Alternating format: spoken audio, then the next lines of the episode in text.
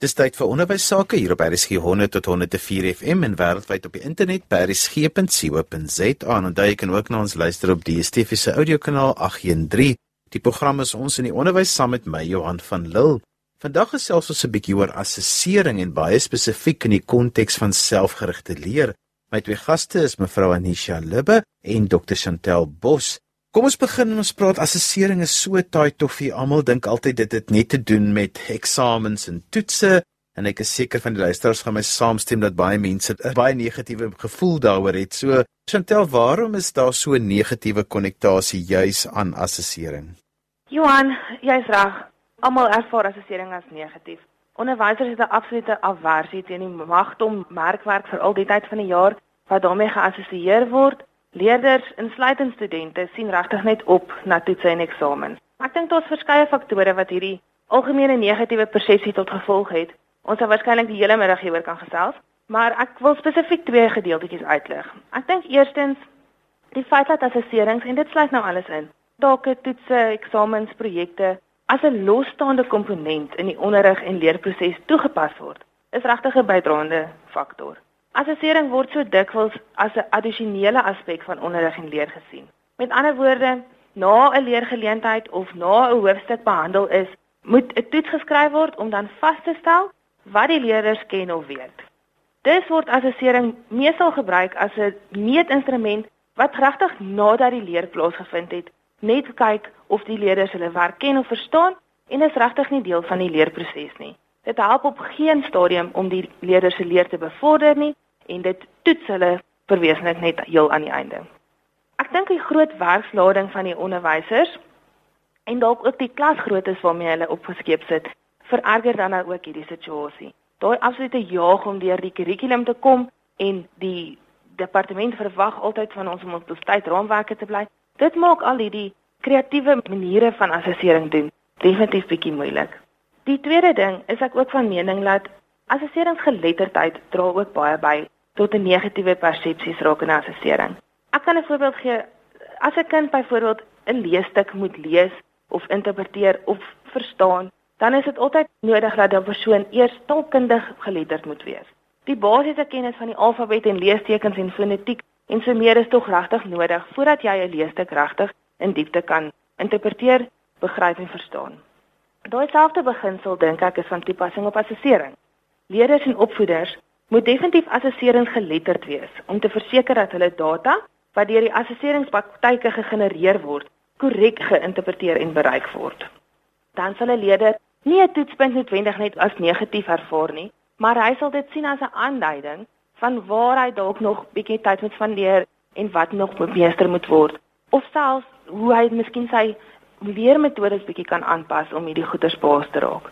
Ek dink opvoeders se mate van assesseringsgeletterdheid sal hulle dan ook in staat stel om dalk bietjie meer summatiewe as formatiewe assessering toe te pas afhangende dan nou van wat hulle einddoel is met die assessering. Anisha, as ons begin praat oor assessering, hoe lyk die situasie tans in Suid-Afrika? Want dit voel vir my baie keer ook of assessering eintlik gesien word as net 'n enkele aspek daarvan wat eksaminering is. Johan, ja. Nou alhoewel die departement van basiese onderwys se kurrikulum en assesseringsbeleidsverklaring of terwyl die CAPS soos wat dit algemeen bekend staan, aandui dat assessering beide informeel, deurlopend en ook formeel moet wees. Dink ek interpreteer onderwysers ongelukkig meestal die implementering van assessering as slegs 'n wyse waarop punte versamel kan word in plaas daarvan dat die assesseringsproses regtig leer bevorder. Nou dit kan egter veroorsaak dat onderrig met die oog op toetse of eksamens en soos dit nou in die volksmond bekend staan teaching to the test plaasvind. Se leerders word dus afgerig vir toetse en vir eksamens en so gevolglik is dit leerders se vermoë om feite te memoriseer wat eerder getoets word. Nou Johanie luisteraars sal met my saamstem dat sulke tipe assesseringspraktyke nie die ontwikkeling van selfgerigte leervaardighede tot gevolg kan hê nie.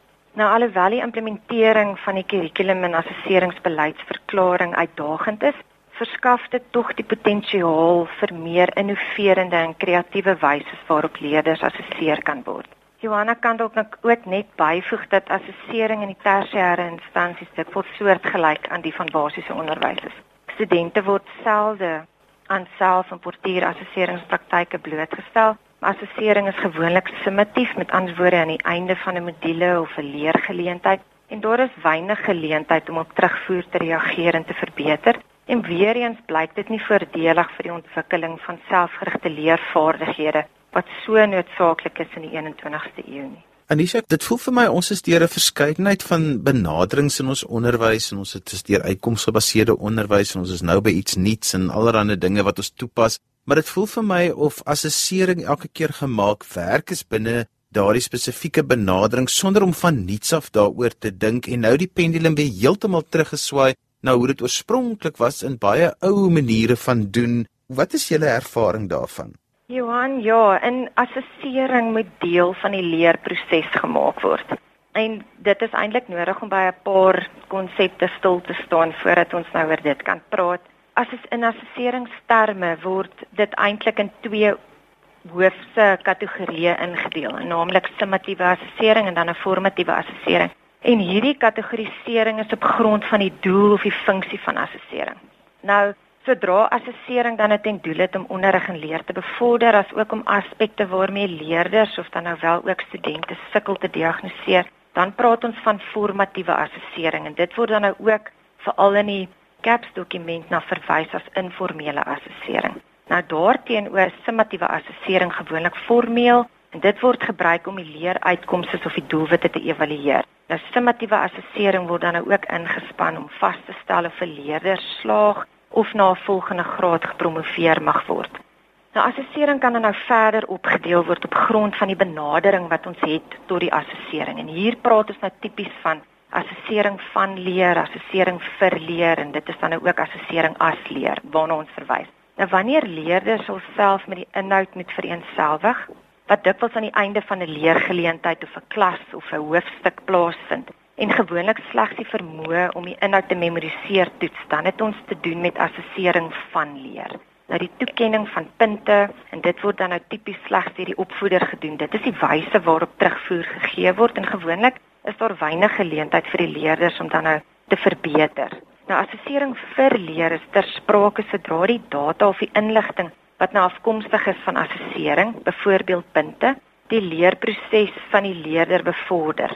Na assessering vir leer lig opvoeders ook in oor die effektiwiteit van hulle eie onderrig en leerstrategie en kan leerders wys of addisionele studie nodig is en selfs of hulle alternatiewe studiemetodes moet probeer en gebruik. Nou laastens kom ons by assessering as leer en volgens die literatuur is dit slegs 'n uitbreiding of 'n voortvloeiing van assessering vir leer. Nou selfassessering, portuurassessering, selfregulering sowel as metakognisie Dit is die kern van assessering as leer. En hier word dan ook spesifiek klem geplaas op reflekterende praktyke en dit daag die leerder uit om te dink oor hulle leerproses en hulle eie leer en hulle vordering te evalueer. Nou Johan om dis terug te kom na jou vraag toe.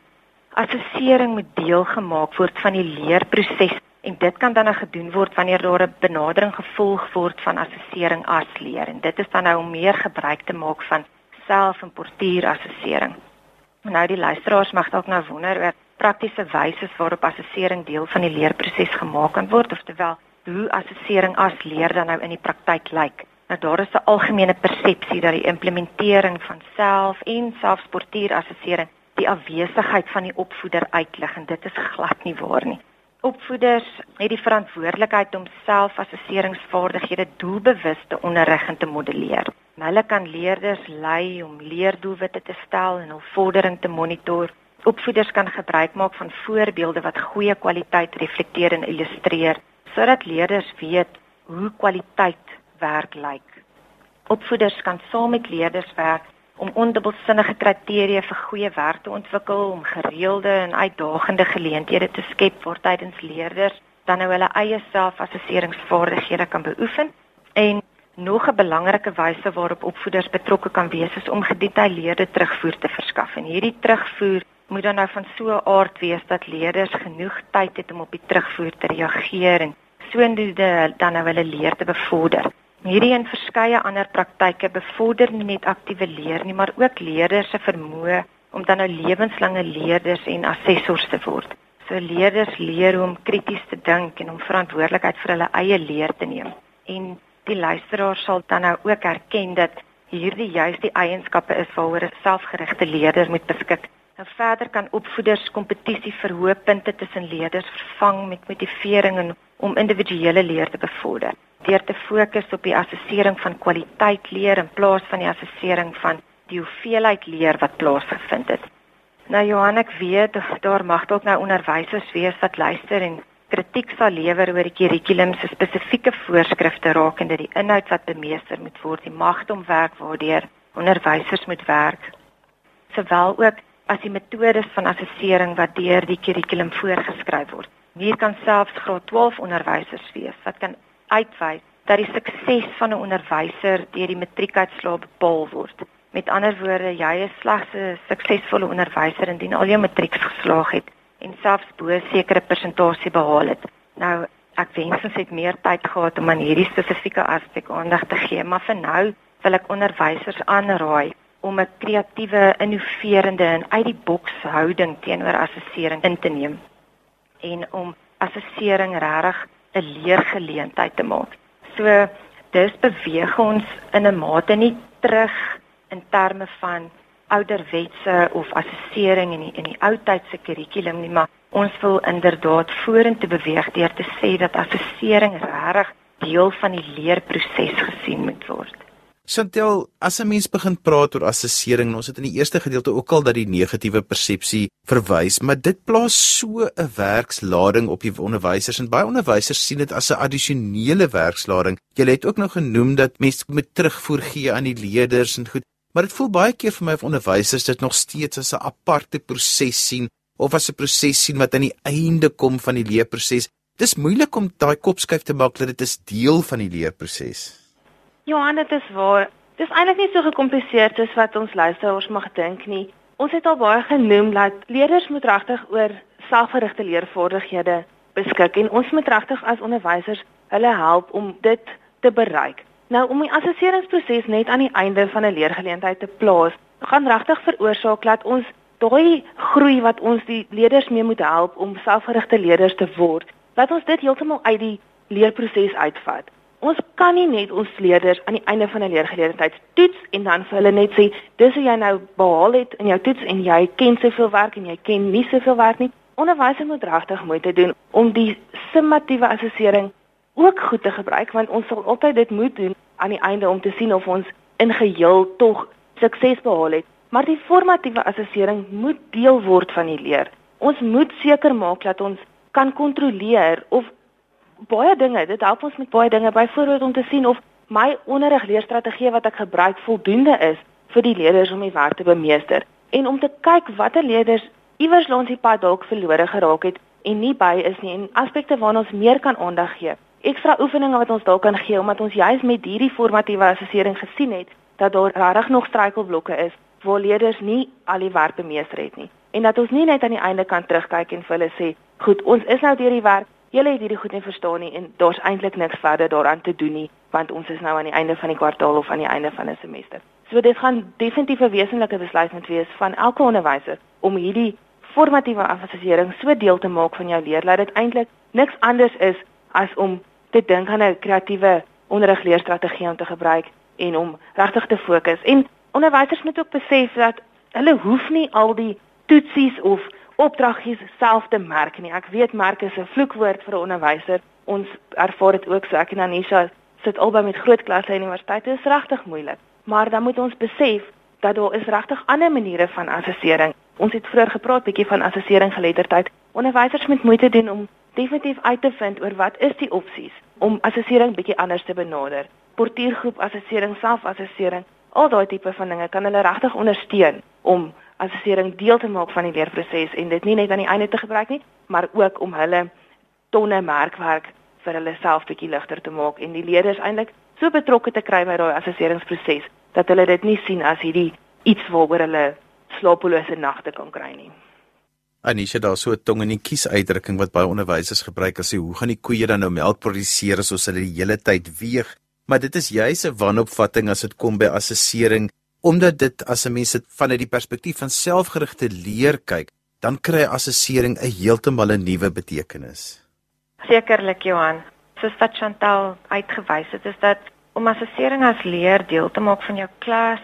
Jy weet is nie so gekompliseer soos wat die luisteraars mag dink nie. Nou in die voorafgaande programme het van my kollegas wel die spesifieke eienskappe waaroor 'n selfgerigte lewenslange leerder moet beskik uitgewys en ek kan dalk net ook noem is hulle met hulle eie leerdoelwitte stel, dan moet hulle gepaste bronne soek en raadpleeg ten einde hierdie doelwitte te bereik. Hulle moet hulle eie leerproses kan monitor en vasstel met watter aspekte hulle nog sukkel en waar hulle nog hulp nodig het. So dis met 'n selfgerigte leerder daartoe in staat wees om homself te assesseer. Hy moet homself kan monitor, hy moet die nodige aanpassings kan maak in die leerproses en 'n moet leerstrategieë kan aanpas indien dit nodig is vir hom of haar om die leerdoelwitte te bereik. Nou so iets kom nie van self nie. Niemand is outomaties en geen kind is outomaties 'n selfassesseerder of 'n reflekteerder nie. En dit is vaardighede wat aangeleer moet word. Nou om op terugvoer te reageer en dit te gebruik om jou leer te bevorder of aan te pas, dit is ook nie iets wat van self kom nie. En om gebruik te maak net van aktiewe leerstrategieë in jou klas, Johan, wil ek graag uitwys is net nie genoeg nie. En ek dink indien daar onderwysers of opvoeders is wat die persepsie het dat omdat hulle nou van aktiewe leerstrategieë in hulle klasse gebruik maak, En dit sluit nou onder meer koöperatiewe leer en vervlegte leer en probleemgebaseerde leer ensovoorts in. Maar hulle hou aan om te assesseer aan die einde van 'n leergeleentheid, nog steeds net om die kennis te toets aan die einde, sonder dat die kinders en die leerders geleentheid het om daarop te reageer, om daarop te verbeter. Dink ek regtig ons mis die punt. Dit is nie net die onderrig en leerstrategie wat vir die 21ste eeu aangepas moet word nie, maar assessering sal ook definitief aangespreek moet word. En assessering kan nie meer as 'n losstaande aspek gesien word nie, maar dit moet eerder gebruik word om leer te bevorder. En daar is sekere eienskappe waaroor 'n selfgerigte leerder moet beskik en dit volgens ons mening kan ontwikkel word deur die implementering van 'n meer assessering as leerbenadering. Met ander woorde, dit moet gesien word as 'n leergeleentheid. So onderwysers gaan regtig met kreatief dink oor hoe hulle toetse opstel ten spyte van die voorskriftelike kurrikulum. Ek weet 'n skip word baie stadig gedraai. So alhoewel daar opvoeders is en mense in die akademie is wat regtig gepleidooi het ten opsigte van die kurrikulum veral wat assessering aanbetref, besef ons dat dit nie 'n verandering is wat oornag gaan gebeur nie. En daarom is dit die onus regtig en die verantwoordelikheid op elke onderwyser, op elke opvoeder daar buitekant om dit wat hulle het te gebruik en om binne daai raamwerk rond te beweeg om kreatiewe assesseringsgeleenthede op te stel om die leerders regtig die geleentheid te gee om self te assesseer, om mekaar te assesseer en dan in die proses ook daai belangrike vaardighede te ontwikkel. Chantel, kom ons praat gou oor ouers se rol want as 'n mens die woord assessering hoor, dan dink ouers hulle het nie regtig 'n rol te speel nie. Dis maar iets wat by die skool gebeur. Ja, hulle moet 'n bietjie help by die huis met die take en 'n bietjie bronne verskaf en so, maar ouers het 'n baie bepaalde rol te speel in hierdie proses. Johan, dit is waar en ek dink die luisteraars sal regtig met my saamstem. Dit voel deesdae of ons kinders toegegooi word met huiswerk en opdragte en projekte en dit is regtig vreeslik baie. Maar ek dink die belangrikste ding wat ek vir die ouers wil Ek wil regtig hulle eintlik smeek en vra hulle moet hulle daarvan weerhou om hulle kinders se assesserings namens hulle te doen. Of dit nou 'n taak of 'n huiswerk of 'n projek is. Vir die kind om te sukkel met daai assessering en homself te doen, is regtig waar daai selfgerigte leervaardighede ontwikkel word. Hulle kan regtig eerder wanneer 'n kind sukkel, hulle help om byvoorbeeld die instruksies op te breek in kleiner deeltjies en dit beter te verstaan of om na die nasienkriteria byvoorbeeld die leerders sal meestal 'n merkrubriek saam kry wat vir hulle verduidelik waarvoor of hulle punte gegee word om dit te interpreteer en om dit regtig op te breek en hulle te lei om hierdie te doen eerder as om die werk vir en namens hulle te doen.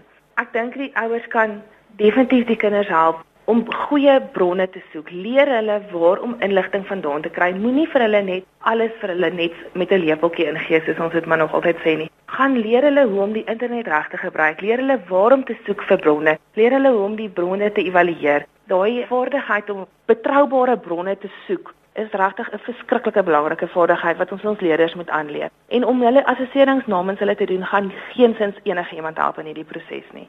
Ek dink dan ouers moet regtig versigtig wees om hulle eie vooraf opgestelde dikwels negatiewe persepsies rakende assessering met hulle kinders te deel. Ouers kan regtig eerder probeer om positiewe gesprekke rondom assessering met hulle kinders te hê. Ek dink om kompetisie tussen kinders bietjie af te skiet is dalk regtig 'n goeie idee.